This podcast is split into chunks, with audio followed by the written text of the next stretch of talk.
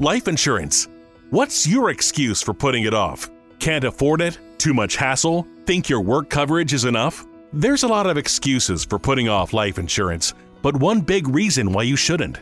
If the unexpected were to happen to you, who would pay the mortgage, the kids' tuition, and all the other bills? In a time of grief, the last thing you would want is for your family to have to sell the house and struggle to survive financially. At Ethos, we could get you covered in just 10 minutes and boom, family protected. Rates can increase the longer you wait, so no more excuses. Take 10 minutes today and discover the modern way to get the life insurance coverage you need. Ethos, fast and easy online term life insurance, up to $2 million in coverage with no medical exam. Some policies as low as a dollar a day. Answer a few health questions and get your free quote at ethoslife.com slash audio. That's E ethoslife.com slash audio. Eindelijk, het Vlaamse voorjaar is begonnen. Omloop het Nieuwsblad en Kuurne Brussel Kuurne werden twee koersen die opnieuw niet teleurstellen. Maar het was ook een week van grote internationale onrust vanwege de inval van Rusland in Oekraïne. Met ook gevolgen voor de wielersport. We gaan het erover hebben. Mijn naam is Maxim Morsels. En ik ben Juri Eindsen. En dit is de Wielenflits podcast.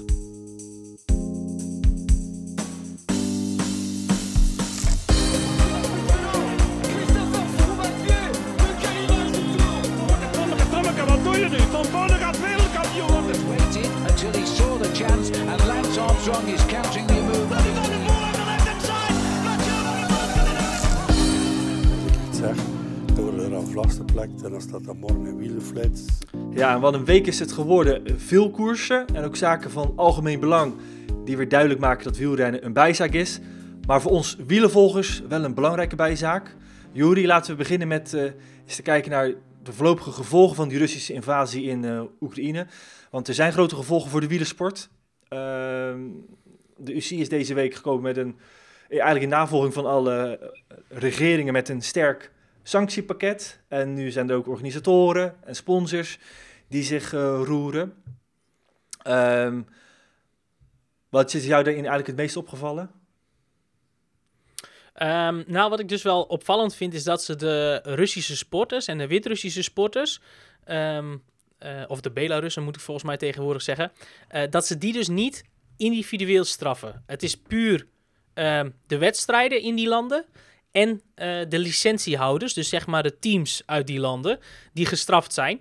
Ehm, dus dat vind ik in die zin wel opvallend, want als ik toch eerlijk ben, hadden die sancties straf gekund. Ik snap het, want eh, goed, de individualistische sporters kunnen er misschien niets aan doen. Ehm, alleen ja, goed, worden de toprussen nu getroffen door deze sancties? Nee, want dat zijn Alexander Vlasov, kopman van Bora, Hans Grohe en Pavel Sivakov van Ineos Grenadiers. En die mogen nog gewoon blijven fietsen. Ja. Ja, dit is natuurlijk ook een lastige van eh, waar leg je nu echt die grens? Zij zijn natuurlijk wel eh, personen die niks kunnen doen aan eh, al hetgeen wat er aan het gebeuren is. Geen politieke Nee. invloed. Maar goed, dat zijn natuurlijk veel meerdere mensen. Ook alle banken, alle klanten van banken in Rusland kunnen er ook niks aan doen. En die worden wel geraakt door de politieke sancties. Nu de sporters dus niet, wel de, wel de teams. Eh, Gazprom Rusvelo verliest zijn eh, licentie. Alle Russische en Belarussische wedstrijden worden geschrapt. Al heeft dat eigenlijk voor het profielrennen geen invloed, want het zijn geen...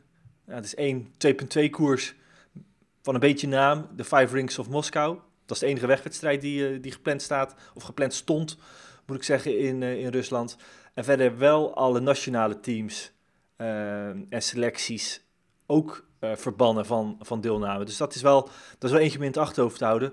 Voorlopig zijn er natuurlijk even geen koersen waar nationale selecties eh, aan deelnemen, of althans waar dat invloed op heeft. Ja. Maar ik denk wel meteen aan dat WK wat pas in september gaat plaatsvinden. Want Ja. dat, volgens de huidige regels, zijn daar wel geen, eh, geen rusten welkom. Nee, dat klopt. En, maar goed, ook daar heeft het dan weer alleen eigenlijk te maken met, met Vlasov en eh, Sivakov. Eigenlijk de enige Russen die daar eventueel wat zouden kunnen doen. Eh, al denk ik dat die op dat parcours daar, hè, Wollongong heeft een beetje een, een heuvelklassieker eh, karakter. Dat parcours is heel lang. En Sivakov en ehm Vlaasov zijn natuurlijk rondrenners. Dus ja, goed. Zouden die daar een rol hebben kunnen spelen? Of zouden die daar een rol kunnen spelen? Kan, maar favorieten zijn het zeker niet. Dus wat dat betreft heeft dat niet zo super veel invloed. Ehm, als we kijken naar de beste Belarussische wielrenner op dit moment, is dat denk ik Alexander Ryabushenko. Ja, van. Ehm, die werd bij de belofte. Klopt, en die werd bij de belofte alles Europees kampioen. Want daar mogen ze natuurlijk ook niet aan deelnemen op dit moment. Omdat het geen nationale ploeg mag afleveren. Ehm, dus ja, goed. Die zou met zijn klassieke profiel. Was het een veel grotere renner geweest, wel een invloed kunnen hebben. Maar ja, dat talent stagneert al een paar jaar. En ja, die is op dit moment niet op het niveau om daar eh, iets te kunnen uitrichten. Ehm, dus ja, vind ik lastig. Bovendien heeft de UCI ook nog toegevoegd. Zijn de Russen met een tweede nationaliteit, eh, dan zouden die versneld in aanmerking kunnen komen om die nationaliteit aan te nemen. Ehm, zoals bijvoorbeeld Pavel Sivakov. Diens beide ouders komen uit Rusland.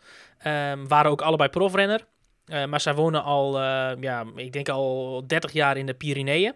Eh, en hij is daar ook, Sivakov is ook in Frankrijk geboren, als ik niet mis ben. En draagt ook de Franse nationaliteit. Voelt zich eigenlijk meer Frans dan Rus. Heeft altijd ervoor gekozen om die Russische nationaliteit aan te houden. zodat hij sneller in aanmerking kwam voor nationale selecties op een WK of EK. Want ja, goed, zoals ik net ook al zei, de enige concurrent is eigenlijk Vlaasov. En in Frankrijk, nou ja, begin maar. Alaphilippe, Pinot, Bardet, eh Cosnefroy, noem ze allemaal maar op. Die concurrentie is daar altijd veel groter geweest. Eh, maar in het verleden heeft hij openlijk getwijfeld om toch zijn Russische eh, koerslicentie in te leveren voor een Franse koerslicentie. En ik denk dat dat snel gaat gebeuren. Wat betreft Vlasov, die is geboren in Viborg. Viborg is een havenstad die grenst aan de Finse ehm, eh, grens. Eh, van Finland dus. Ja, goed. eh, Wie weet heeft hij nog ergens Finse familie in, de, in, in, de, in zijn familie zitten. Waardoor hij binnenkort ja, voor Finland uit gaat komen. Of voor een ander land waar hij banden mee heeft. En dat geldt ook voor alle andere Russische en Belarussische wielrenners. ja, maar zo, zolang ze ehm, natuurlijk ook onder de, de neutrale vlag, zoals ook op de Olympische Spelen gebeurt, kunnen uitkomen, is het niet strikt noodzakelijk om, eh, om die nationaliteit te wisselen.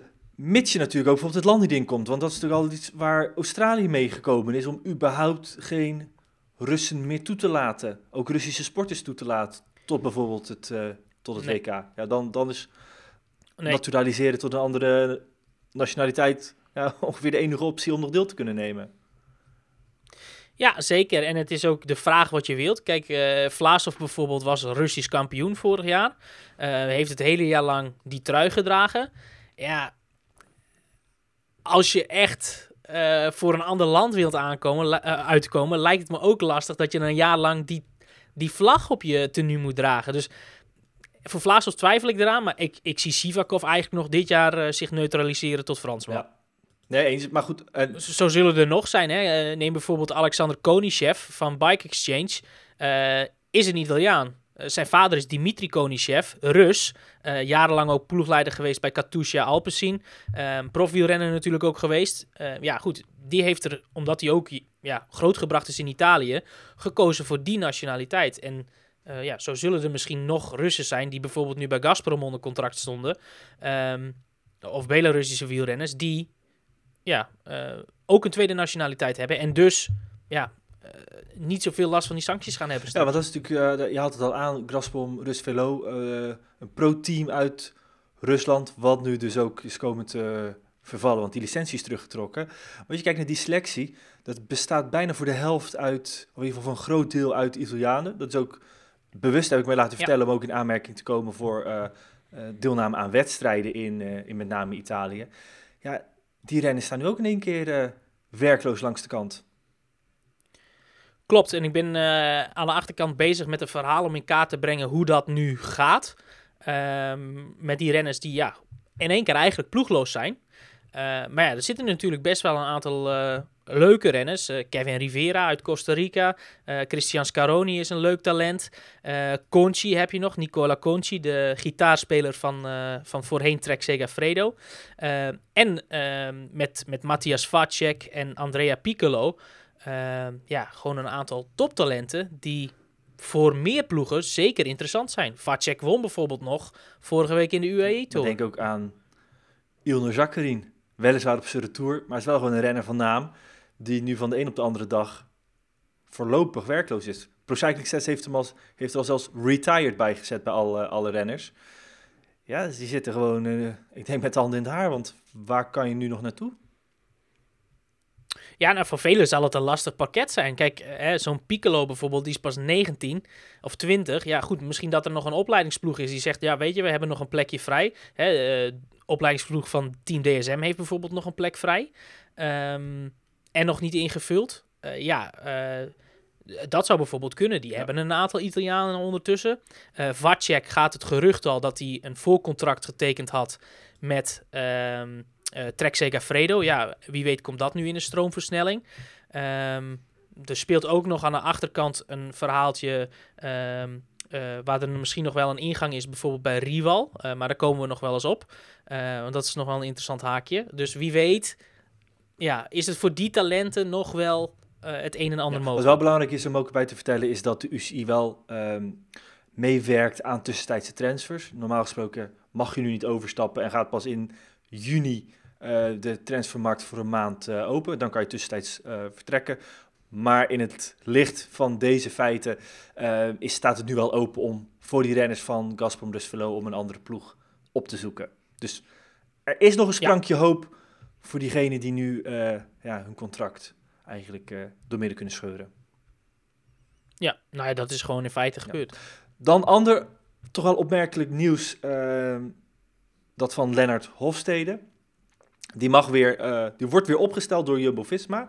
Wat is het verhaal hierbij? Die wordt eigenlijk sinds eind vorig jaar van alle teamactiviteiten geweerd... vanwege het feit dat hij zich niet heeft laten vaccineren. En dat paste niet helemaal in het ploegpolicy omtrent eh, de coronabestrijding. En daardoor heeft de ploeg hem een lange tijd eh, niet opgenomen bij, eh, bij ploegactiviteiten, zoals bij de trainingskampen in december en januari. Nou, wij wisten dat er achter de schermen gesproken werd over hoe hiermee door te gaan en dan misschien wel uit elkaar te gaan. Maar zover is het niet gekomen, want ze gaan hem weer opstellen. En dat is toch wel eh, opvallend te noemen, laat ik het zo Ja, zeggen. Marijn Zeeman eh, die legt het uit in een artikel eh, bij ons. Vanwege ook het feit dat er veel coronabesmettingen zijn in de ploeg. Dus dat ook het een, nou, de selectie wat smaller wordt. Maar nog belangrijker eigenlijk dat het in ook weer de situatie hoe die nu is. Het weer verantwoord is volgens hun om, om renners op te stellen. omdat Omicron niet meer zo ziekmakend is dan eh, de coronavariant, eh, de, dan de voorgaande coronavarianten, moet ik zeggen. Ehm, nu zijn renners... Breek je tong er Ja. niet over, eh Maxim. Nu is het zo dat renners een weekje niet kunnen fietsen en daarna weer coronavrij kunnen koersen en trainen. Ja. En daardoor is het weer, denken zij dat het weer, weer ja, een goed idee is om hem, om hem op te stellen. Ja. op, opvallend vind ik het.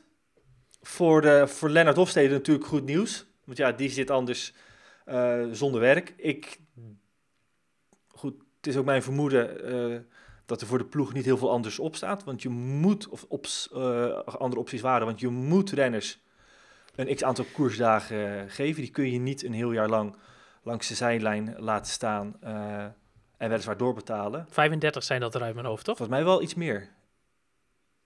Oké, Ehm, maakt het niet uit. maar moeten we moeten nog even uitzoeken. Maar er is, er is contractueel vastgelegd vanuit de UCI dat je een x aantal koersen per jaar moet rijden. En anders eh, ja, pleegt eh, de ploeg contractbreuk.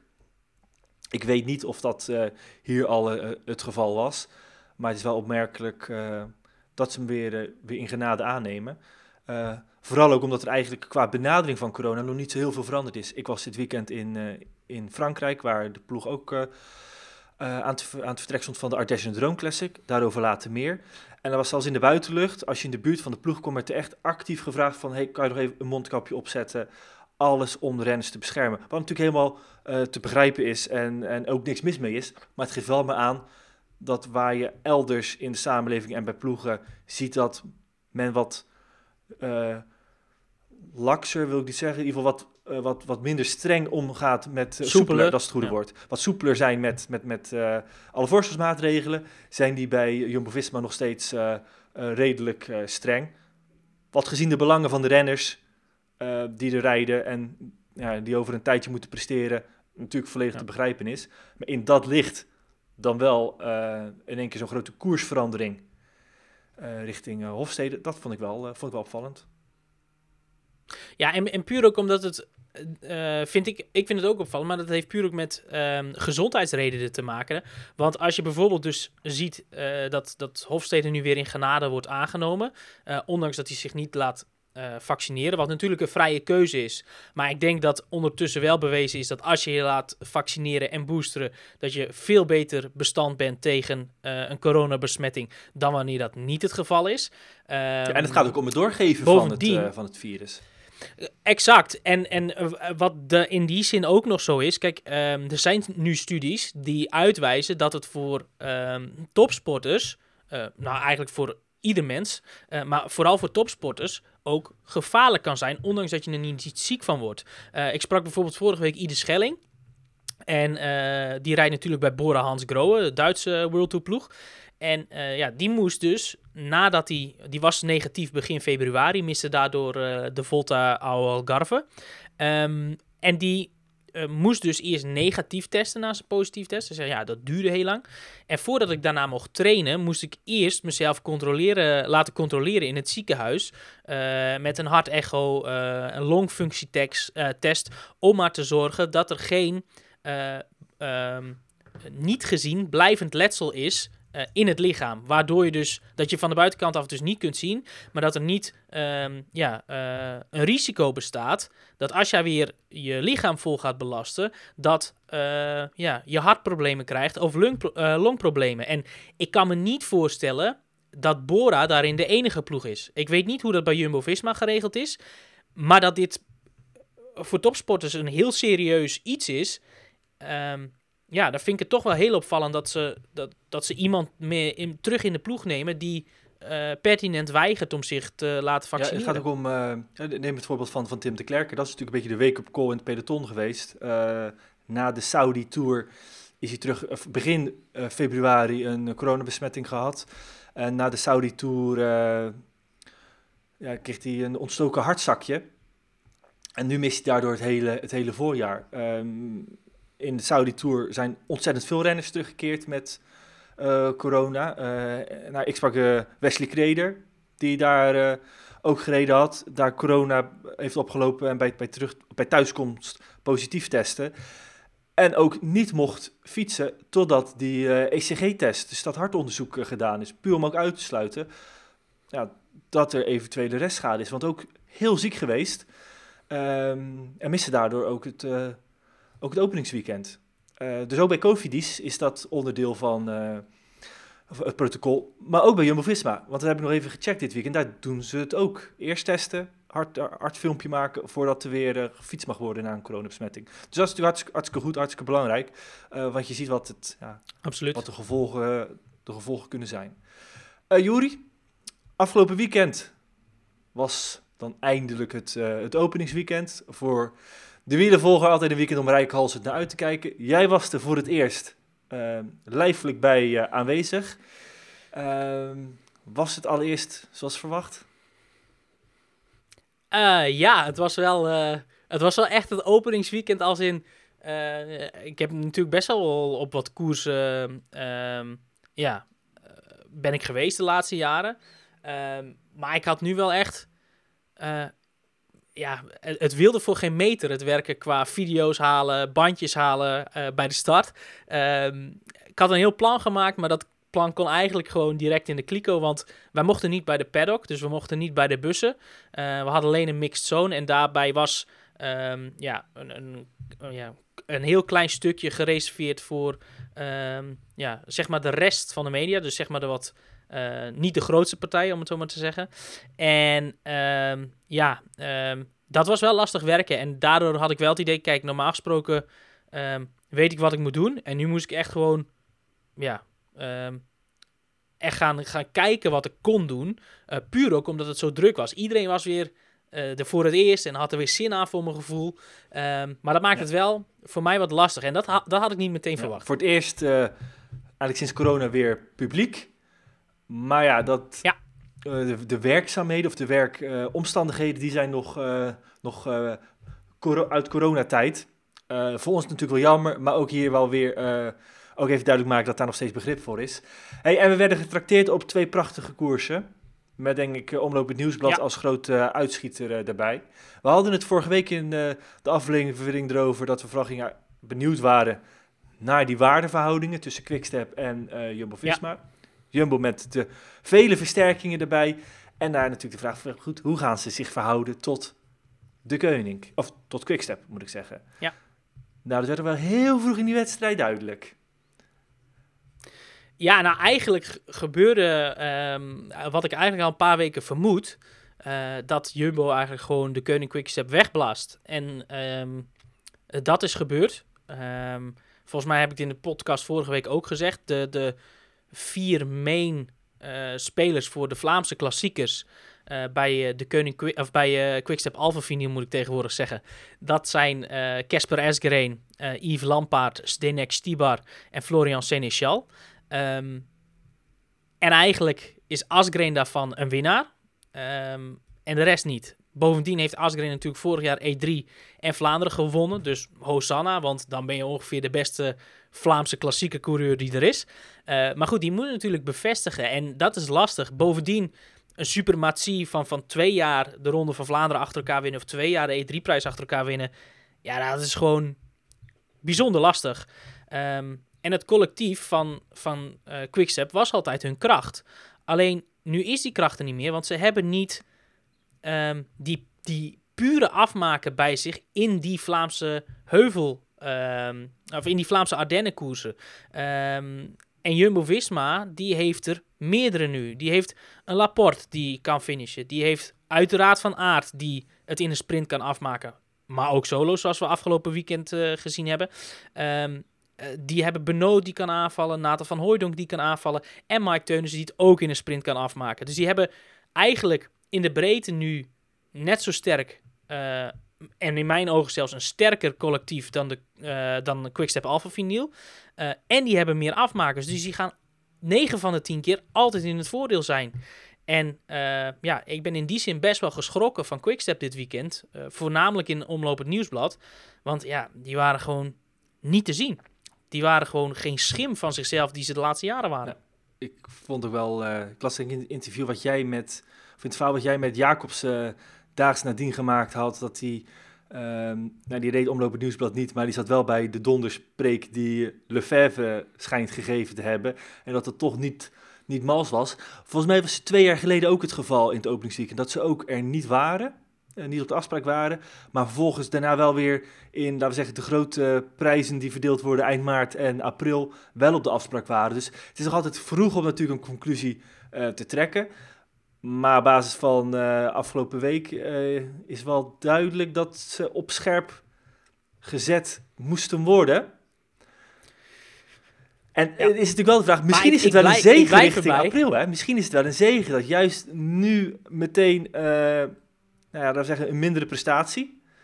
Om te zorgen dat als het als straks E3 is, eh, de ronde Roubaix, eh, voor hun ook eh, Amsterdam Gold Race. Ja, dat zijn uiteindelijk, als je daar, als je, als je daar wint, ja, dan is eh, dat openingsweekend echt wel gauw vergeten. Ja, maar toch denk ik dat er een, fout is gemaakt. Eh, en dat is natuurlijk budgetair eh, technisch. Want je hebt nu bij Quickstep eigenlijk drie kopmannen. Met Jacobsen, dat is een sprinter. Met Evenepoel, dat is een ronderenner. En met Alaphilippe, die eigenlijk heuvelklassieker specialist is. En ook in het rondewerk nog wel zijn ding wil doen. Ehm, dat zijn drie pijlers en daar is eh, in geïnvesteerd. Alleen, eh, het, de vierde pijler, zeg maar de Vlaamse klassiekers, wat eigenlijk het allerbelangrijkste is voor de Koning Quickstep, was natuurlijk vorig jaar top. Maar ehm, ja, als je met reëel beeld naar die ploeg kijkt, dat wat, herhaal ik mezelf. Lampaard met alle respect geen winnaar. Seneschal is er altijd bij, maar wint ook nooit heel veel wedstrijden. Ehm, en Stibar is gewoon op zijn retour. Met, ook met alle respect, maar daar is... Ik, ik zag dit wel aankomen dat dit te gebeuren stond. Ehm, dus ja, ik, ik vond het niet zo heel opvallend, het beeld wat ik gezien heb afgelopen weekend. Bevestigde eigenlijk alleen maar mijn voorgevoel. Ehm, en wat natuurlijk zo is, Alaphilippe is er het hele Vlaamse voorjaar niet bij. Uh, dus die gaat ook niet straks in E3-prijs of in Vlaanderen rechtzetten wat die andere mannen misschien niet kunnen. Uh, en dan, dan is, is de ploeg misschien te veel straks op S-Grain aangewezen. Uh, want die is, dat vind ik echt een hele sterke renner. En die zet ik ook wel boven die andere drie. Um, maar is die opgewassen tegen uh, Pitcock en, en Van Aert, die intrinsiek sneller zijn? Ik denk het niet. Ja, en ze hebben natuurlijk altijd kunnen profiteren vanwege de sterkte in de breedte. En nu zijn ze eigenlijk juist een beetje Jumbo-Visma als vorig jaar. Eén sterke man, met daarachter uh, ja, toch een grote stap richting nummer 2 en 3. Nu denk ik wel dat Quickstep alsnog sterker uh, is dan Jumbo-Visma vorig jaar. Maar dat is wel een beetje de situatie. En dan nu ook met het gemis van een Tim de Klerk in het voorjaar. Ja, dat is wel een renner die, uh, die, die je gaat missen. Ja, en, en wat ik zeg, en neem Ala Felipe ja. ook, die normaal altijd iets brengt. Ja, die gaan ze ook niet, uh, niet missen. Dus ik vrees dat dat best wel eens een, een mager voorjaar voor op het Vlaamse klassieke gebied voor Quickstep Alpha Vinyl kan worden. Ja. Nou, over het seizoensdebuut van uh, Wout van Aert kunnen we kort zijn. Daarvan vroegen we ook af van hoe gaat dat zijn, dus je eerste koers rijden. Uh, lang op hoogtestage gezeten en daarna meteen uh, de Vlaamse kasseien op. Daar kunnen we kort over zijn. Dat was, ja, hoe zou je het omschrijven? Ja, um, um, klasse, een klasse beter dan de rest. Nee, ja, nou goed. Hè, in principe deed Jumbo-Visma met, met Benoot uh, het uitstekend, die, uh, die het offensief zocht. Um, die nog boven komt op de, op de uh, muur van Gerardsbergen. waar iedereen eigenlijk naar hem toe moest rijden. Want anders, ja goed, gaat Jumbo-Visma daarachter de boel lam leggen en wint Benoot die koers. Dus iedereen moest op de muur van Gerardsbergen. Iedereen zit daarboven op de limiet. Tot aan het, tot aan het nekje toe erin. En op dat punt kan Van Aert nog zeggen: jongens, pak me maar. En dat kan niemand, omdat, omdat iedereen daar op de limiet zat. En Van Aert had toch nog dat extraatje uh, waarmee hij uh, het verschil kon maken. En, en dat was het verschil. Uh, dat is het klassenverschil wat ervoor gezorgd heeft dat Van Aert zaterdag die koers kon winnen. Ja, absoluut. En ook omdat je in die achtervolgende groep weer niet het overwicht ziet bij andere ploegen om een, om een degelijke achtervolging op, te, op touw te zetten. En weten dat er dan nog steeds bij Jumbo-Visma een aantal renners daar het initiatief niet hoefden te nemen. En nog konden sparen nee. voor eventuele andere koersontwikkelingen. Uh, dus ja, supersterk gereden, prachtig ja, en koers. Daar, ja, en daar werd dus ook pijnlijk duidelijk dat de rest van de ploegen, inclusief uh, Quickstep Alpha Vinyl, niet sterk genoeg zijn om dit soort ja. situaties, in ieder geval in deze fase van het seizoen, te ja, vooral dat die versterkingen van Jumbo-Visma uh, al heel vroeg beginnen te lonen. En dat zag je ook een dag later ja. met, uh, met Laporte, die, uh, die tot diep in de finale ja, eigenlijk uitzicht hield op de overwinning in, in Kuurne. Ja, dan, ja, goed. Ligt die streep 50 meter dichter of, of spelen ze iets minder poker in die laatste anderhalve kilometer? Ja, dan, dan wint die hier. Dan is het 2 op 2 voor Jumbo-Visma. Um, en dan moet ik ook wel weer chapeau geven aan uh, Fabio Jacobsen en, en Quickstep Alpha Vinyl. Uh, dat die dat toch nog recht zetten in Kuurne. En eigenlijk Fabio als sprinter de perfecte koers gereden heeft. Want je hebt hem eigenlijk de hele dag niet gezien. En in de laatste 10 meter komt hij, of de laatste 50 meter komt hij op kop en wint hij de koers. Ja, en Perfect gedaan. wat ik er ook wel knap aan vond is, een, uh, er wordt natuurlijk nog wel eens gekscherend gezegd van... Uh, sprinten is zo lang mogelijk in het laatste wiel zitten van je lead-outman en daarna nog even een paar meters op kop. Maar hij zag hier natuurlijk wel de geslepenheid, uh, het, inzicht hebben, het inschatten van ik moet nu gaan en eigenlijk veel eerder dan, dan normaal. Want als je puur uit, laten we zeggen, uit het, uh, het tekstboek uh, sprint doen, dan is het wachten tot 250 meter en gaan. Maar hij zag hier, hey, dit gaat, dat, dat, dat gaan we ons niet redden. Ik moet eerder gaan, ik ga gewoon volle bak. Ja, en, en, en kwam, kwam er niet eens naast. Hij kwam er net naast, maar gewoon Nee, niet en- voorbij. Klopt, en het, het, wat dat is ook misschien wel eh, niets te nadelen van de prestatie van Fabio, maar ehm, Caleb Ewan noemen ze niet voor niks de pocket rocket. Dat is een raket die je afschiet. Nou ja, goed, die kan dus heel snel accelereren. ehm, en vervolgens buit hij dat vaak uit. Maar omdat die sprint nu zo lang was, ehm, had hij die versnelling niet meer. Want die moest hij al inzetten om met Jacobsen mee te gaan. En ja, verliest hij eigenlijk ehm, eh, de, de, het- waar hij juist zo bekend om staat. Wat juist zijn kracht is. Die, die hele korte, snelle krachtsexplosie. Ja, die was hij nu al kwijt op het moment suprem dat het moest. En eh, ja, niets dan lof voor Fabio, die niets anders kon ook, omdat die drie vluchters ervoor reden. Eh, maar ja, goed, die, die kan dat wel volhouden tot op de meet. En, en daardoor had Ewan niet meer eh, die krachtsexplosie die normaal heeft. het was opgevallen, maar Ewan kwam ook precies op positie 25 die laatste bocht door op, eh, op 800 meter. Maar werd eigenlijk mooi door niet solo naar voren toe eh, gebracht. En kwam daar uiteindelijk zonder veel in de wind te hebben gereden alsnog, alsnog op kop. Ehm, overigens wat ik nog even wilde zeggen over, over Laporte. Daar hadden we het vorige week over dat we ons even afvroegen van hoe dat nou zat met zijn langere verblijf op, eh, op Tenerife. En in één keer wel op de deelnemerslijst eh, van Kuurne. Maar ik bleek dus ook een covid-besmetting voor het trainingskamp te hebben gehad. Daardoor later naar Tenerife te zijn gegaan. En daar iets langer te zijn gebleven. Eh, maar is wel nog op tijd teruggekeerd om zondag in, in Kuurne te debuteren. Ik denk twee morele winnaars in Kuurne. Oh, nou, eigenlijk drie natuurlijk. Want de hoofdwinnaar is Jacobsen. Nummer twee, Arkea. Die daar even een bak sloten weg, eh, een, pa- een pak een sloot punten mee eh, slepen waar je, waar je u tegen zegt. Door, eh, wat Ja. was het, eh, derde en vierde te worden? Of vierde en vijfde? Derde, Ja. vierde, en- derde, vierde En en zevende. zevende. Ja, dus die... Ja, Hofstetter, McClay en, eh, en Capiot. En die laatste heb ik daar ook nog naar gevraagd. Of dat ook leeft. Hij zegt, nou ja, natuurlijk is het niet de bedoeling om met drie man in de top 10 te eindigen. Want wij willen ook winnen. Maar hij zegt, we moeten ook niet onder stoelen of banken steken. Dat die UCI-punten voor ons heel belangrijk zijn. En dat dit dus een fantastische uitslag voor ons was. Want met Arkea Samsic willen wij naar die World Tour. Eh, en dus wat jij zegt, inderdaad, Arkea Samsic misschien wel eh, als ploeg winnaar van het weekend. En die andere morele winnaar, het is misschien een beetje unpopular opinion, vind ik toch wel Bas Tietema. Ehm, beetje het, het, YouTube-fenomeen.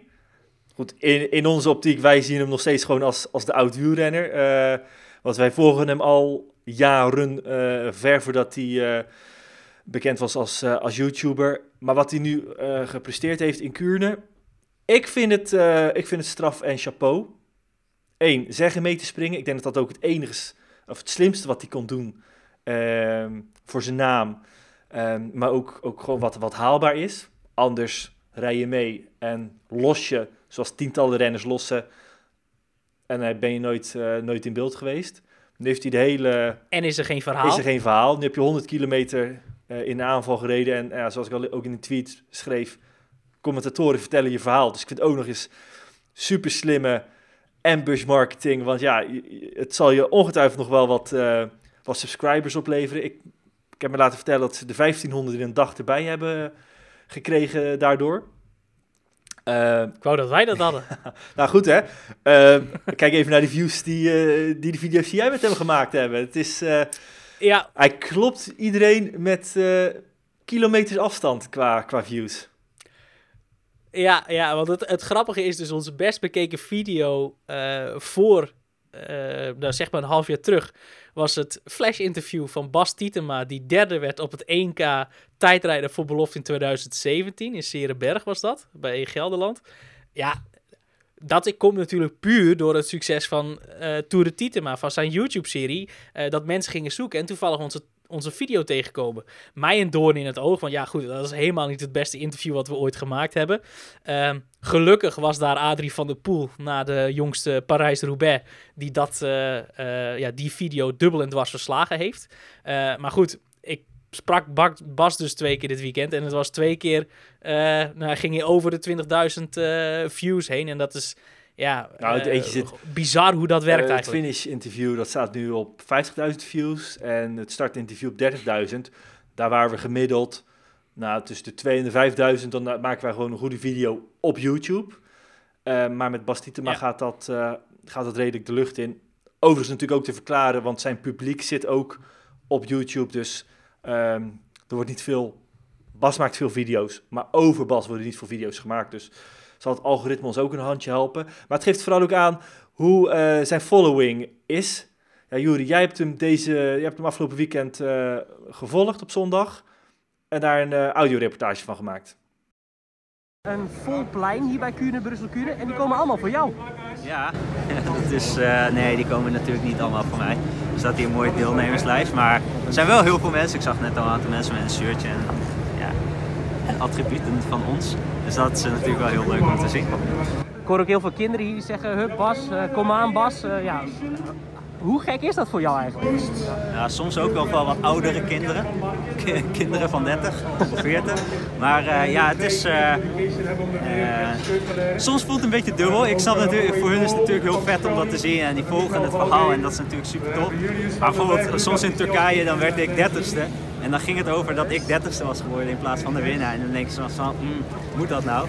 Maar het is wel. eh, ja, als je, als je dan met de bus aankomt of je rijdt hier naartoe, is het natuurlijk wel heel gaaf. Je hebt de wielersport voor heel veel mensen eh, aantrekkelijker gemaakt door eh, de beleving door te geven. Je bent nu weer renner, profwielrenner. Hoe ga jij als profwielrenner het wielrennen aantrekkelijker maken voor datzelfde publiek? Eh, nou, eh, hoe ik dat ga... Nou, ik ga vandaag proberen al aan de ontsnapping te zitten. Dat, eh, dat lijkt me een mooie. Nee, ehm, ik eh, focus me wel gewoon volledig op wielrennen. En dat moet ook, als je hier wil starten met iedereen die hier rijdt, moet je gewoon meer dan 100% zijn. En zeker met de weg waar ik vandaan kom, moet ik daar echt eh vol op focussen. Dus heb ik een mooi team om me heen dat zeg maar, rond de koers gewoon altijd meegaat. En eigenlijk het verhaal rond mij heen eh, in beeld weet te brengen. Het is niet dat ik s'avonds achter een computertje zit om te editen. Dus ja, mijn focus is op hard fietsen en zij maken er een heel mooi verhaal van. Dat mooie verhaal kreeg in Kuurne een twist van Tietema zelf. Het lukte hem om in de vroege vlucht te komen. Volgens plan, aldus Tietema's compagnon Josse Wester. Kijk, Bas had, had al een paar dagen gezegd van, weet je, dat lijkt me echt wel gaaf om te kijken of ik in een kopgroep kan komen. Gisteren is dat plan wel een beetje definitief geworden van, oké, weet je, laten we dat proberen. Ook voor zichzelf, omdat het natuurlijk vooral ook gewoon meters maken is nu. Maar ja, ik weet nog wel, eh, wij, reden, wij reden eigenlijk net weg uit Kuurne. En eh, er was natuurlijk geen live beeld nog, dus we konden ook niet zien wat er gebeurd was. En opeens was er op zo'n Sportzaal live blog, eh, hey, stond er, ja, En, en, en dit, dit gaat zo de hele dag, hè hey, Josse? ja, dat, maar dat, dat is wel mooi hoor, hier in België. Maar dat was, ja, wij zaten echt gewoon te juichen in de auto, weet je. We wisten echt niet wat we zagen. Want we moesten wel echt super lang wachten tot we het beeld hadden. Echt anderhalf uur of zo. Maar dat, ja, dat was echt wel kicken. Dat is natuurlijk, het slaat nergens op, zeg maar, dat dat kan. Bas, die, die, is de laatste die als clown rond wil rijden. Ehm, dus die, die doet het voor zichzelf om beter te worden. En ja, hij is nu met een plan bezig, zeg maar, waar hij naartoe wil werken. Maar ik kan me niet aan de indruk onttrekken dat vandaag eh, slecht was voor onze kijkcijfers. Het is wel niet normaal hier. Ja. Hey, eh, dan hoor ik mensen wel in de perszaal zeggen, die zeggen, ai, dat is wel heel vlot, op 100 kilometer van de streep eraf. Wat wil jij tegen hen zeggen? Nou, ik hoef niet per se iets tegen die mensen te zeggen. Kijk, eh, je weet vanaf de start dat de mensen kritiek gaan hebben op, op zoiets. Omdat, ehm, ja, weet je, is het normaal dat iemand in, in zes maanden eigenlijk van nou, sportklasse amateur naar prof wordt? Nee, dat is niet normaal. Ehm, dus hij kan eigenlijk maar één ding doen. En dat is mensen ongelijk bewijzen. Zeg maar, ja, je kan er tegen, van alles tegen zeggen, maar alles ja, gaat toch geen zoden aan de dek zetten als mensen al een, een, een mening hebben. Ehm, dus ja, dan kijk ik, ik kijk er persoonlijk wel naar uit naar de komende weken. Ik denk wel dat er, eh, dat er nog wat te gebeuren staat. Om dat inzichtelijk te maken vroegen we Tietema's vluchtmakker Taco van der Hoorn hoe goed de YouTuber in de kopgroep nu eigenlijk was. ja, hij was wel, ja, hij deed zijn best. Maar eh, het is ook lastig voor die jongen. Hij komt net van, eh, van eh, een paar jaar gestopt en dan kom je opeens in zo'n koers weer naar voren te zitten. Ik vond het sterk dat hij mee zat. En, want dat was toch ook niet makkelijk. En toen kwam hij wel, in de kopgroep kwam hij wel wat tekort. Maar ja, dat is ook niet zo gek. Dat, met zijn voorgeschiedenis is dat, is dat logisch. En waarschijnlijk komt hij met de komende, komende koersen en de komende maanden koersen... komt hij er vast wel een beetje, be- beetje doorheen. En dan misschien moeten we er rekening mee gaan houden dan. Moet voor jullie ook gek zijn, want ik zie hier nu al acht mensen die met jou op de foto willen. Laat staan Bas. Eh, wat heb je allemaal voor geks meegemaakt vandaag? Wat heeft Bas voor geks meegemaakt? Ja. Nou, het is sowieso een hele gekke gewaarwording dat als je een groep renners ziet fietsen, En dat, dat je het publiek de hele tijd een naam hoort scanderen die je dan goed kent. Maar dat is ook alweer, weet je, ik denk, ik denk dat, ik heb hem niet gesproken. Maar ik denk wel dat hij straks wel gaat zeggen van ja, dit was ook gewoon zo gaaf. De hele dag, weet je, je hoort mensen schreeuwen, je hoort mensen juichen. Uh, ik heb echt, mag niet vloeken, ik heb super veel mensen in Tour de Titema shirts gezien vandaag. Ja, we stonden in de file, stonden achter ons in mensen met shirts uit het raam te waaien, weet je wel. Ja, dat, dat, is, dat, is, ja, dat is natuurlijk niet normaal om mee te maken. Ook Tietema zelf kreeg de nodige aandacht onderweg. Uh, ja, dat is wel bizar. Ik ben natuurlijk hier ook een beetje in het hart van, het, van, de, van de wielenwereld. Dus uh, ja, was langs de kant was het. Uh, en op een gegeven moment denk ik ook dat de mensen te horen krijgen dat ik in de kopgroep zat. Dus dan maakt het nog, nog meer. Dus ja, heel veel mensen hier langs de kant. Ja, gewoon heel, heel veel. En uh, nou ja, goed, uh, Tietema Mania is een beetje losgebarsten. hoe lang gaat dit nog duren? Ja, doen jullie ook hard aan. Ik, ik snap nu een beetje bijvoorbeeld zoals met Remco wel. Zeg maar op een gegeven moment ja, het gaat dan over, bijna over de hond, bij wijze van spreken, die hij gekocht heeft. En bij mij gaat het soms ook wel een beetje, voelt het soms een beetje gênant of zo. Ik denk van de aandacht moet eigenlijk uitgaan ook naar de winnaar. Dat was bijvoorbeeld in Turkije en dan gaat het over dat ik in het peloton ben gefinished. En dan denk ik ook, hmm, moet dat nou? Nee, dat het bij hun bus dus stukken drukker is dan nou ja, bij Jumbo-Visma. Goed, Wout van Aert deed niet mee, maar is toch ook wel veelzeggend. En ook geeft maar weer aan hoe ook de mediawereld en dus de beleving van fans uh, in de wielersport verandert, hè? Ja, want als je zag hoeveel mensen, niet alleen met Bas, maar ook Josse die er dus was, uh, hoeveel mensen met hun op de foto willen, een handtekening willen. Ja, ik had gewoon het idee dat ik bij een superster stond. Terwijl het, met alle respect, Bas Tietema uit Zwolle is, die een DNF noteert in Kuurne, Brussel, Kuurne. Uh, ik denk dat uh, Julius van den Berg en Wessel Krul nul handtekeningen hebben uitgedeeld. En die samen met hem, en ook Taco van der Hoorn, die je dus ook in de audio-repo hoort, ook met hem in de vlucht zaten. Uh, Taco wordt nog, wint nog bijna en wordt uiteindelijk tiende. Dus die verhaal is legitiem. Maar ja, goed. Uh, Wessel en Julius doen het net zo goed als, als, als Bas. En daar is niemand. Dus dat is wel, het is wel gek natuurlijk. Maar ook knap hoe hij dat gerealiseerd heeft de laatste jaren. Ja, en het geeft natuurlijk ook maar weer aan dat, er, dat het meer is dan alleen hard fietsen. Dat juist ook de, de media uh, en, en een following creëren belangrijk is geworden en onderdeel is van, uh, van, van, van je werk. Uh, dat is vooral iets, ik hoop dat profrenners zich dat hiermee ook wel, ook wel realiseren. Want het is natuurlijk vaak genoeg dat ze denken, joh, ik heb geen zin om te praten, toedeledokie. Uh, maar kijk waar, wat dit je ook kan opleveren. Als al niet ieder wielrenner dit als een, als een zegen beschouwen, want er zijn er genoeg die, die het liefst, nemen Wilke Kelderman ja, die fietst gewoon graag omdat hij graag wil fietsen. En alle media en fans gedoe, dat kan die gerust uh, missen. Maar waar ik nog wel even naar, naar, terug wil. Je las, hij sprong mee met de vroege vlucht. Uh, rijdt 100 kilometer met zijn snufje in de wind. En, en lost daarna. Daar werd er gezegd, oeh, hij lost wel wat snel. Wat, wat is jouw uh, mening daarover? Um, ja, kijk...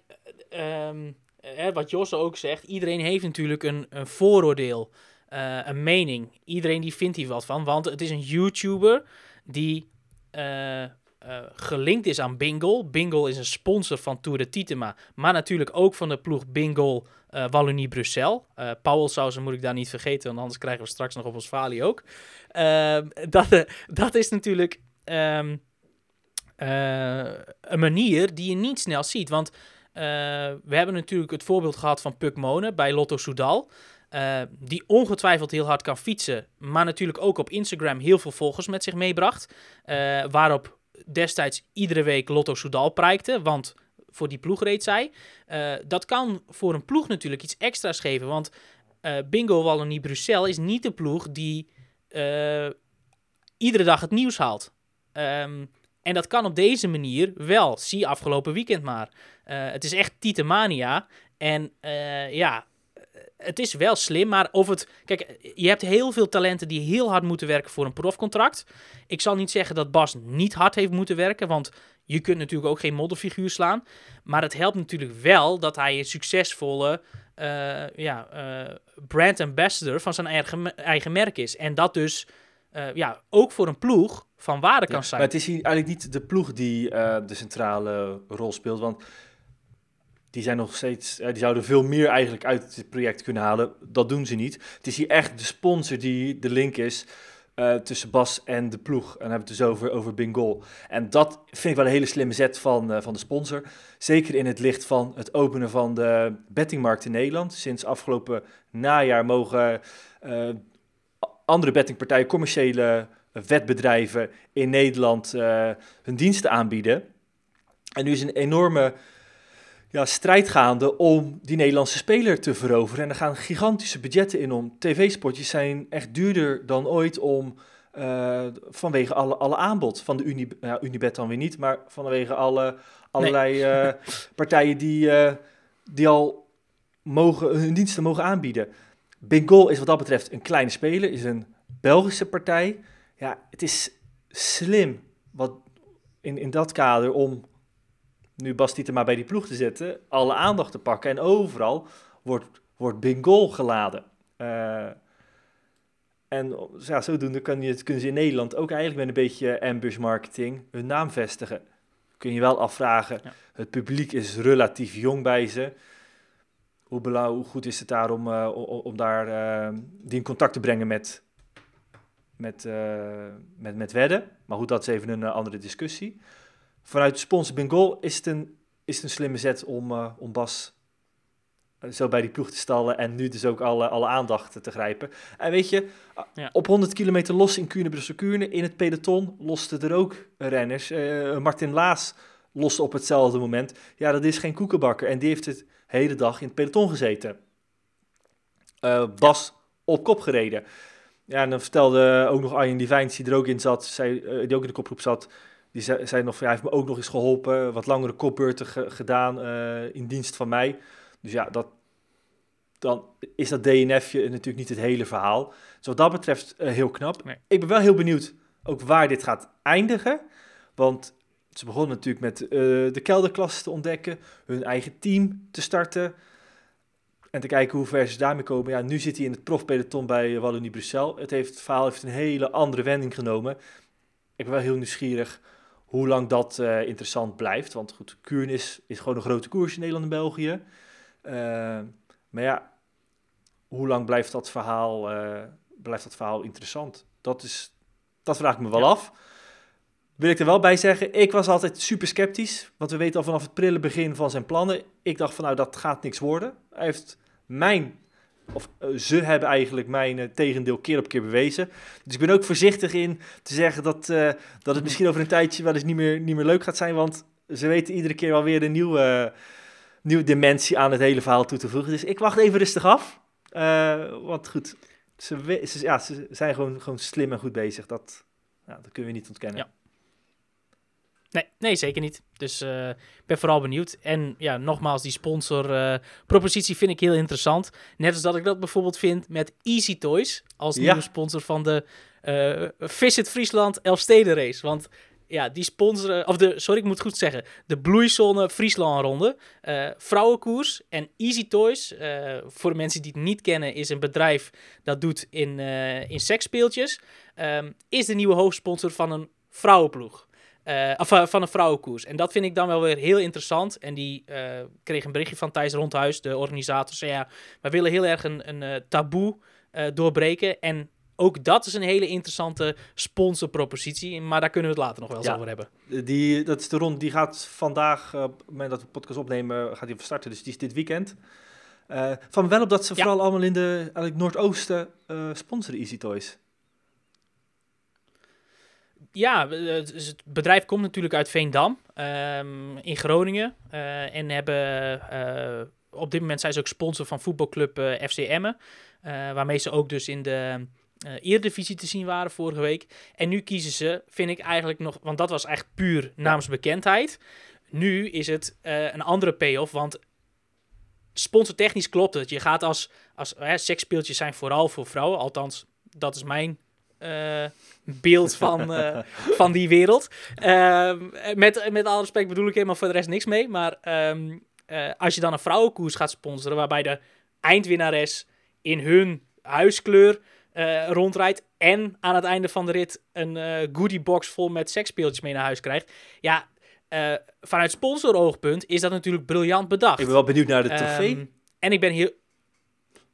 Ja, nou ja, daar kreeg ik van Thijs Al ook al een uh, Twitterberichtje van. En toen wilde ik nog, ik heb het nog nagezocht op Google en dan kreeg ik een prachtig mooie afbeelding van. Wilde ik nog naar hem toesturen, maar ik denk, ja, dan heb ik misschien straks weer uh, het verkeerde, uh, de verkeerde doelgroep achter me aan zitten. Want ik bedoel er niks mee. maar goed, je moet op dit vlak altijd met grapjes erom denken, dus vandaar dat ik het niet gedaan heb.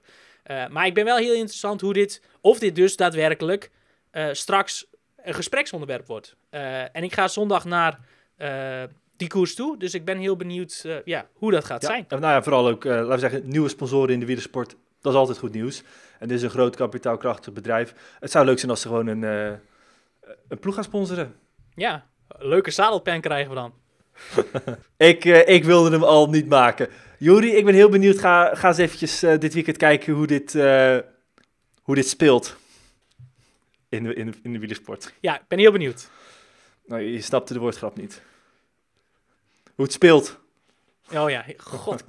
Goed jongens, het is tijd om door te gaan. Ik was dit weekend in, uh, in uh, Frankrijk, in de Droom Ardèche. Uh, waar eigenlijk of je deed mee aan Omloop Nieuwsblad, of je zat in de UAE-tour. En als je daar niet aan deelnam, dan ging je naar de Droom Ardèche. Dat was vooral twee koersdagen ehm, voor eigenlijk ronde renners en de heuvelklassiekers types die daar uh, aan start stonden. Heel sterk deelnemersveld. Prachtig koers, was er nog nooit geweest.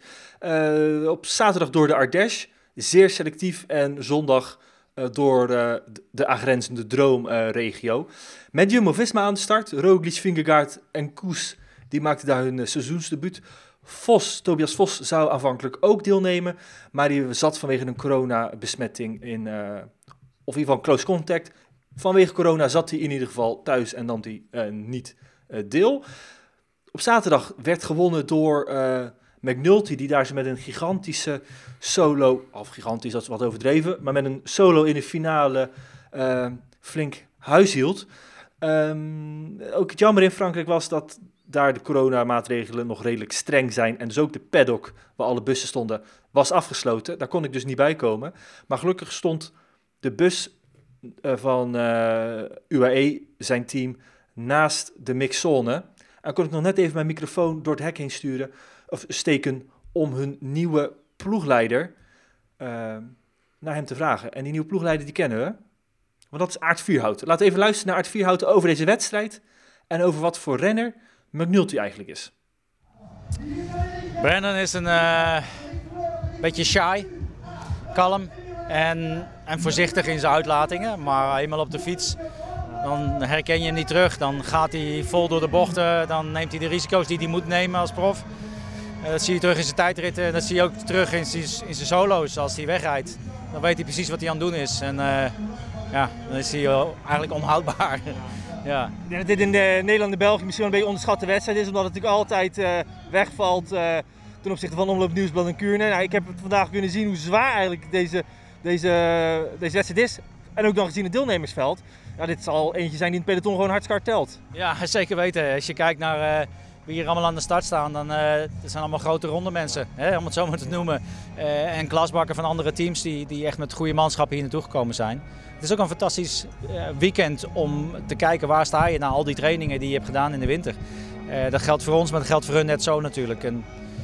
Dit is inderdaad een hele zware wedstrijd met ja, iets meer dan uh, 3000 hoogtemeters op 170 kilometer.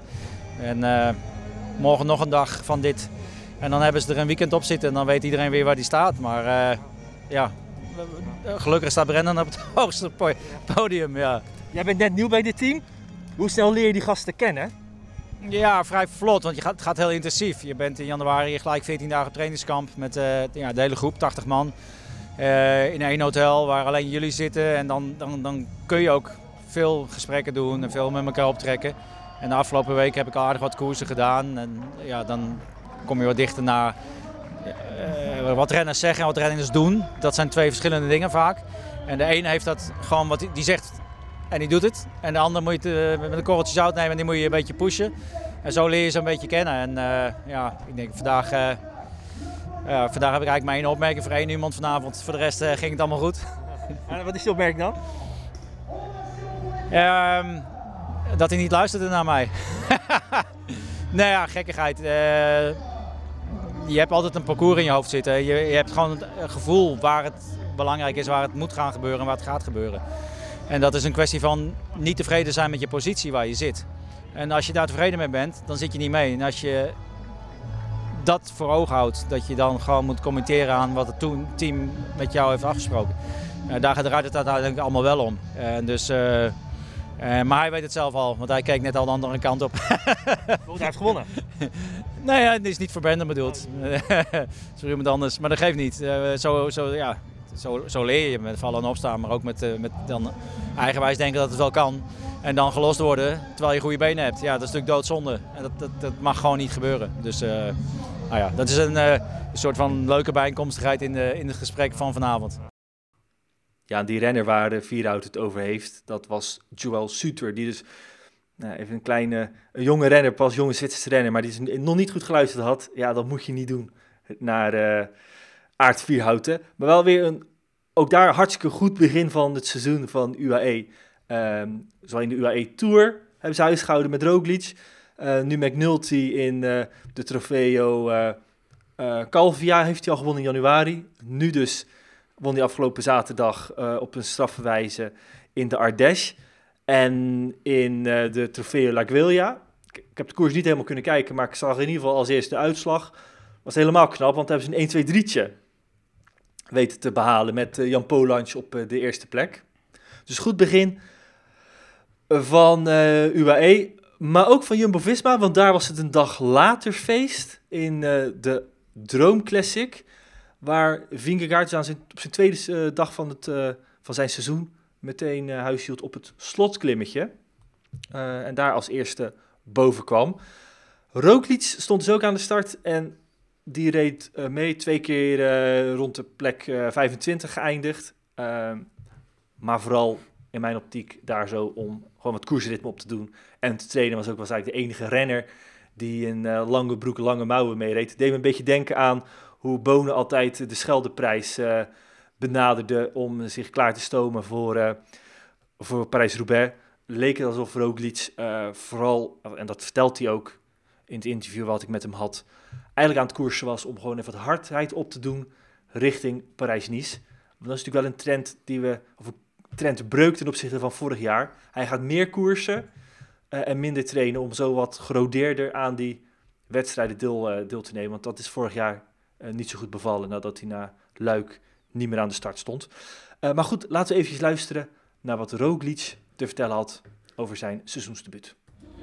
Uh, yeah, enjoy. It was uh, yeah, it was uh, quite a hard start, definitely, and looking to to my teammates. Uh, they are all winning, so yes, uh, I enjoyed it. We had we had some uh, nice results.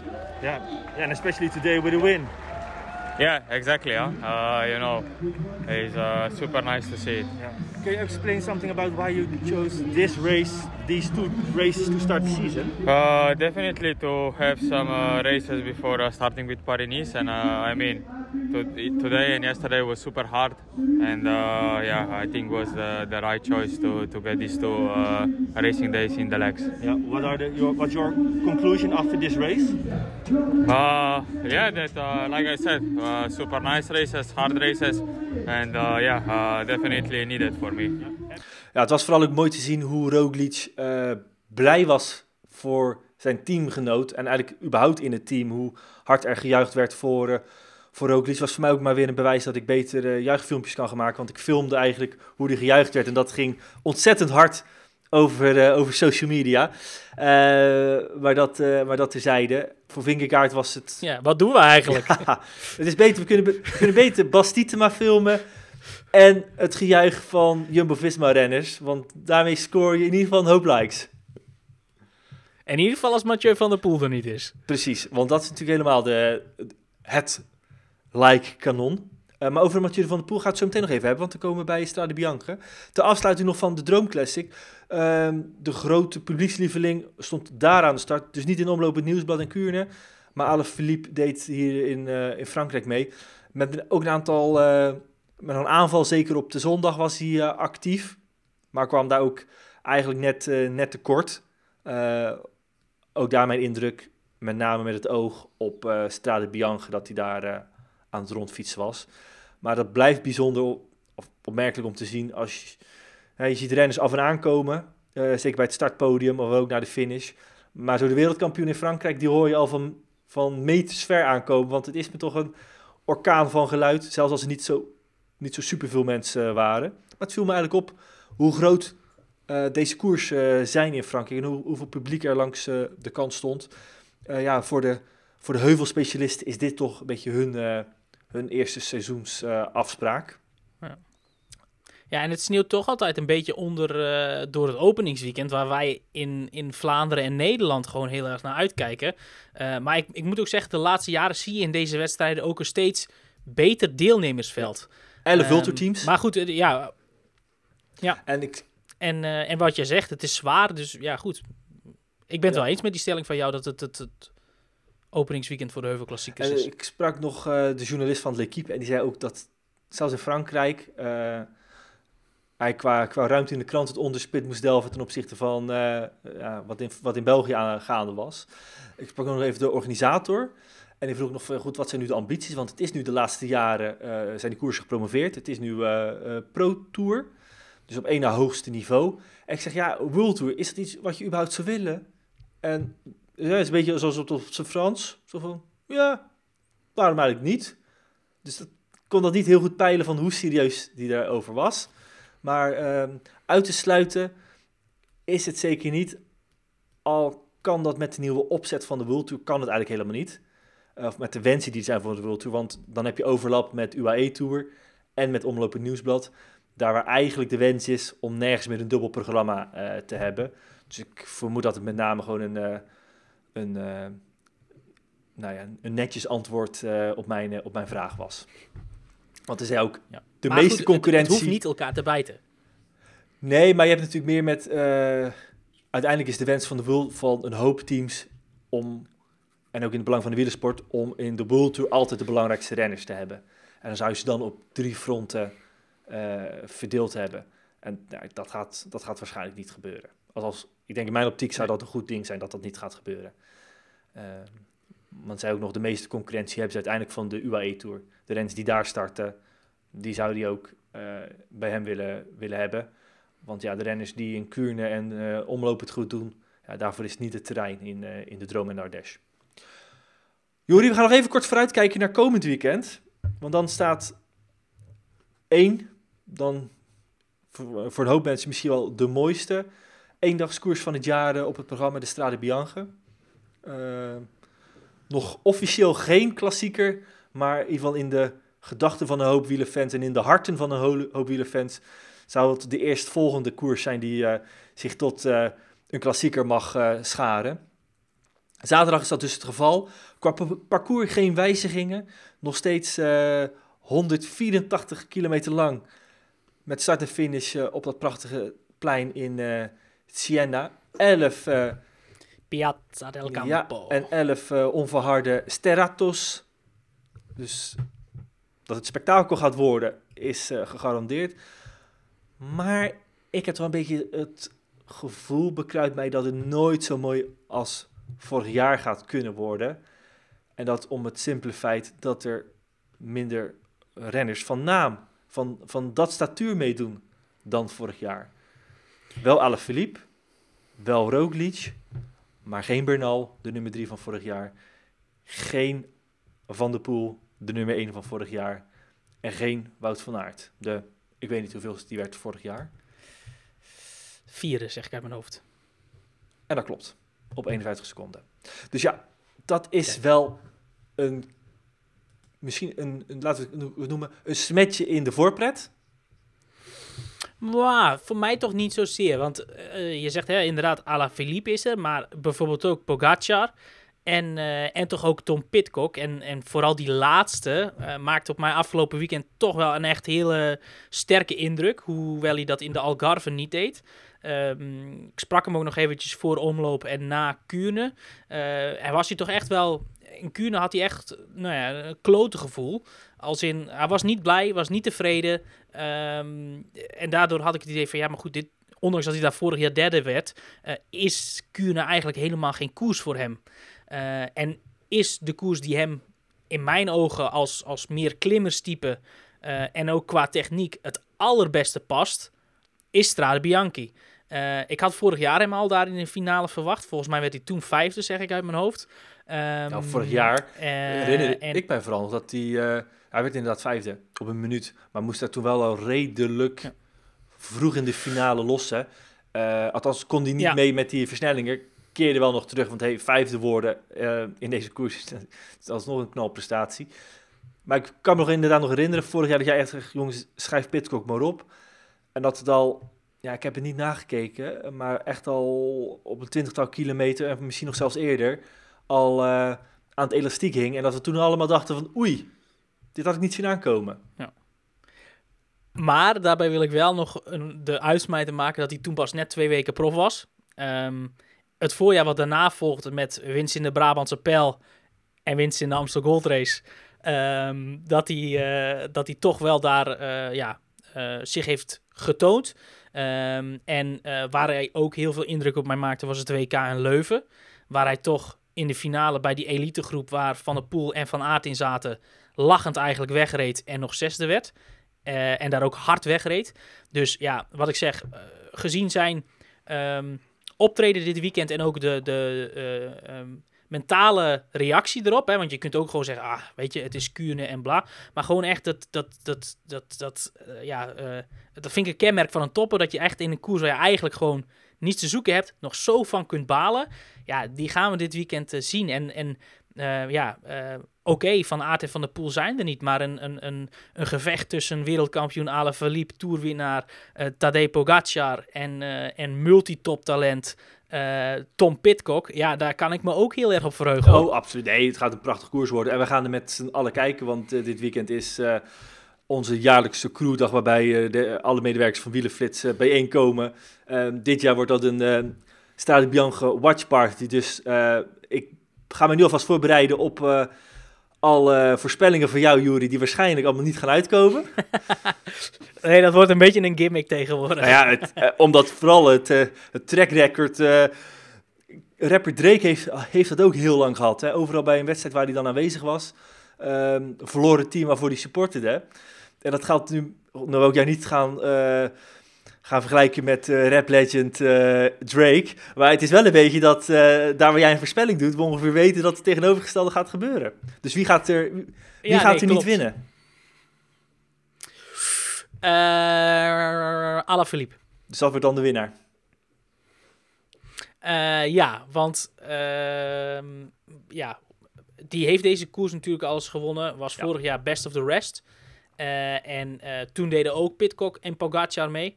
En hoewel, eh, want ik heb een klein stukje van de finale van die tweede koers op zondag in Frankrijk gezien. Eh, voorgeschiedenis ken ik niet, want het waren de laatste vijf kilometer. Toen maakte Alaphilippe inderdaad niet zo'n goede indruk op mij. Ehm, maar goed, we weten allemaal bij Alaphilippe, eh die is ook een meester in het verstoppertje spelen. Dus ja, ik vermoed dat die er straks wel gaat Oh, staan, want dat zal ook Ja. moeten. Want wat ik zei, als, als inderdaad in het Vlaamse voorjaarswerk ehm, die man het lastig krijgen van Quickstep Alpha Vinyl, ligt alle druk bij Alaphilippe. En hoe lekker zou het dan zijn als je meteen kunt uitpakken met winst in, eh, in Strade Bianchi. Dus eh, ja, ik kijk Ja. heel erg uit naar dat duel uh, Alaphilippe, Pitcock, eh Pogacar. Nee, Alaphilippe is de wereldkampioen. In Frankrijk moest hij zich toch ergens laten zien. En je zag wel dat het daar ook niet met het mes tussen de tanden is. En dat hoeft daar natuurlijk ook niet. Dus dat heeft hij hartstikke goed gedaan. Kon nog eh, gehuldigd worden met een of andere eh, prijs voor de populariteit of zoiets. Hij moest een keertje het podium op. Ehm, heeft daar gewoon gedaan wat het publiek gegeven wat hij wilde. Heeft zich even getoond. Dat was uitgerekend op een stijl, eh, steile strook omhoog. Daar nog eventjes die aanzet eh, getoond. Dus ja, die man gaan we, gaan we zeker zien. Pitcock zullen we zeker zien. Ik ben ook heel benieuwd bij Jumbo-Visma. Met Benoot als oud-winnaar.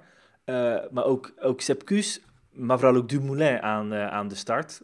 Die kenden wat mindere da- dagen bergop in, eh, in de UAE-tour. Maar het is een heel andere, andere koers. En sowieso, eh, Dumoulin in eendagskoersen, dat is altijd interessant om naar te kijken. Vooral ook omdat het hem ehm, nou ja, af en toe wel wat, ga ik goed zeggen, wisselvallig in is. Het is niet hetgeen wat hem het allerbeste ja, ligt. Nee, maar aan de andere kant heeft hij ook wel een aantal hele goede wedstrijden afgelegd. Ehm, eh, ik herinner me bijvoorbeeld dat WK in, eh, in Oostenrijk, waar hij eh, in Innsbruck, waar hij fantastisch reed en vierde werd. Ehm, dus hij kan dat Daarom, zeker. Ehm, ook, ook in Strade Bianchi is, is een koers die hem moet passen. En waar hij normaal gesproken, ik haal maar Luik, Bastenaak en Luik aan, vaak in dienst treedt om een laatste koersprikkel op te doen voor de Giro. Waardoor je er dus, hè, komt van hoogtestage, niet zozeer direct iets van mag verwachten. Is dat nu compleet anders? Want hij heeft nu een rittenkoers gehad. Eh, natuurlijk is hij nog steeds in opbouw naar de Giro. Maar hij komt niet ehm plain in een klassieker terecht. Hij heeft nu wedstrijdritme in de benen. Eh, en ja, goed. eh, we weten allemaal wat hij in dit soort wedstrijden zou kunnen uitrichten. Dus ik ben eigenlijk wel benieuwd waar hij staat. Zeker omdat die twee bergetappes in de UAE-tour eh, ehm, ja, minder goed Ja. gingen dan, eh, dan ik had Nee, gedacht. dus daar, heb je, daar heeft hij niet de volle druk van op zijn schouders liggen. Hij heeft met Ties Benoot een goede, goede ploegmaat die het goed kan doen. Eh, Koes heeft getoond over eh, een perfecte vorm te beschikken, want die werd derde in de Ardèche, de koers op zaterdag. Dan heb je Tobias Vos. Nou, daarvan weten we even niet wat, wat zijn status is, maar dat wordt in ieder geval de mede-kopman normaliter van Dumoulin de Giro. En dan heb je Milan Vader, die bergop hartstikke goed meeging in eh, de Ronde van Valencia. Valencia. Nou, dan missen we nog eh, twee namen. Die zullen, die zullen later worden ingevuld als de, als de selectie bekend is. Maar voorlopig is het een, uh, ijzersterke selectie van, van Jumbo-Visma. Dus alleen dat, hoe het daar intern aan toe gaat, wordt, wordt leuk om naar, de, om naar te kijken. Ehm, Ja. En dan hebben we volgende week ook nog, maar daar gaan we het in de podcast van volgende week uitgebreider over hebben. Parijs-Nice die zondag start. En volgende week woensdag de Tirreno. Ja, ik ben benieuwd hoe die, eh, die wedstrijden zich gaan, eh, gaan vertolken. Want dat zijn natuurlijk altijd belangrijke wedstrijden in aanloop naar vooral Milaan Sanremo. Ehm, maar ook eh, richting de rest van het voorjaar. Dus eh, ja, eh, altijd interessant om te volgen. Maar eerst hopelijk een schitterende koers in Toscane over de Sterati. Eh, en met een mooie winnaar. Ja. Hopelijk dan toch. Voor de voorbeschouwingen verwijs ik je graag door naar wielerflits.nl of .be. De Strade Bianche die staat uh, al online, zowel voor de mannen als de vrouwen. En als we het nog even hebben over de koers bij uh, de vrouwen, kunnen we het denk ik kort over zijn wie daar de grote favoriete is. Want of het nou in een sprint gebeurt, yeah. of met een lange aanval, of uh, misschien zelfs achterstevoren dat het er nog lukt. Want Annemiek van Vleuten die uh, is ja, eigenlijk weer bezig waar ze mee gestopt is. Alles en overal winnen. Ja, en natuurlijk uh, is Strade Bianca, ze zei wel, dat vind ik eigenlijk de eerste twee uur eigenlijk een rotkoers. Want dan wordt er echt, nou ja, dan is het echt een slagveld. Zo'n oorlog wordt er gevoerd voor de goede posities richting dus die grindstroken. Uh, maar goed, ze heeft die natuurlijk al, uh, al gewonnen, ook al vaker. Um, ja, als zij op, op die hellingen haar kracht kwijt kan, dan kan SD Works met 100 man aan de start staan, maar dan gaat het gewoon een heel lastig karwei worden. Um, dus ja, normaal gesproken zal dat een Van Vleuten show worden. Ja, al is, maakt Marianne Voster seizoensdebuut. Die is uh, na afgelopen winter uh, echt weer een factor, is altijd geweest, maar nu, nu helemaal een factor om rekening mee te houden. Ik ben ook heel benieuwd hoe uh, Team SD Works hier aan de start gaat staan. ik denk extra gebrand na toch wel uh, de verrassende nederlaag van Vollering in, in Omloop het Nieuwsblad. Staan er met Kopecky, met Vollering, ja. met Van der Broek Blaak, de winnares van vorig jaar. En Ashley Molman aan de start. Trek zeker Fredo, Lucinda Brandt, Ellen van Dijk. Misschien wat te lastig voor, voor, voor, voor Ellen van Dijk, denk ik. Maar zeker voor, voor Brandt. En, verwacht ook niet dat Brandt hier een ronde een rol gaat spelen hoor. Dat, dat eh, zo kort op dat crossseizoen, volgens mij heeft ook in een flash toen gezegd van uh, ja goed, daar ga ik gewoon veel uh, voor mijn ploeggenootjes doen.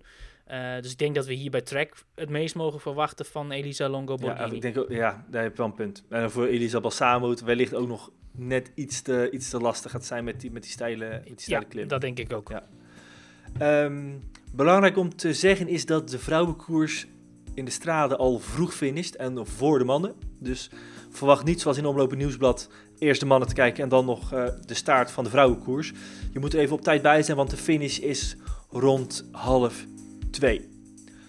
Dan maak ik nog eventjes eh, de servicemededeling af. Ehm, komende week natuurlijk ook alle voorbeschouwingen van eh, omloop van de Parijs-Nice en van Tirreno Adriatico te lezen. Twee dagen voor de koers komen die online, dus dat is eh, vandaag voor Parijs-Nice en maandag voor Tirreno Adriatico. En wij zijn er volgende week weer met een nieuwe Wielenflits podcast. Dank voor het luisteren.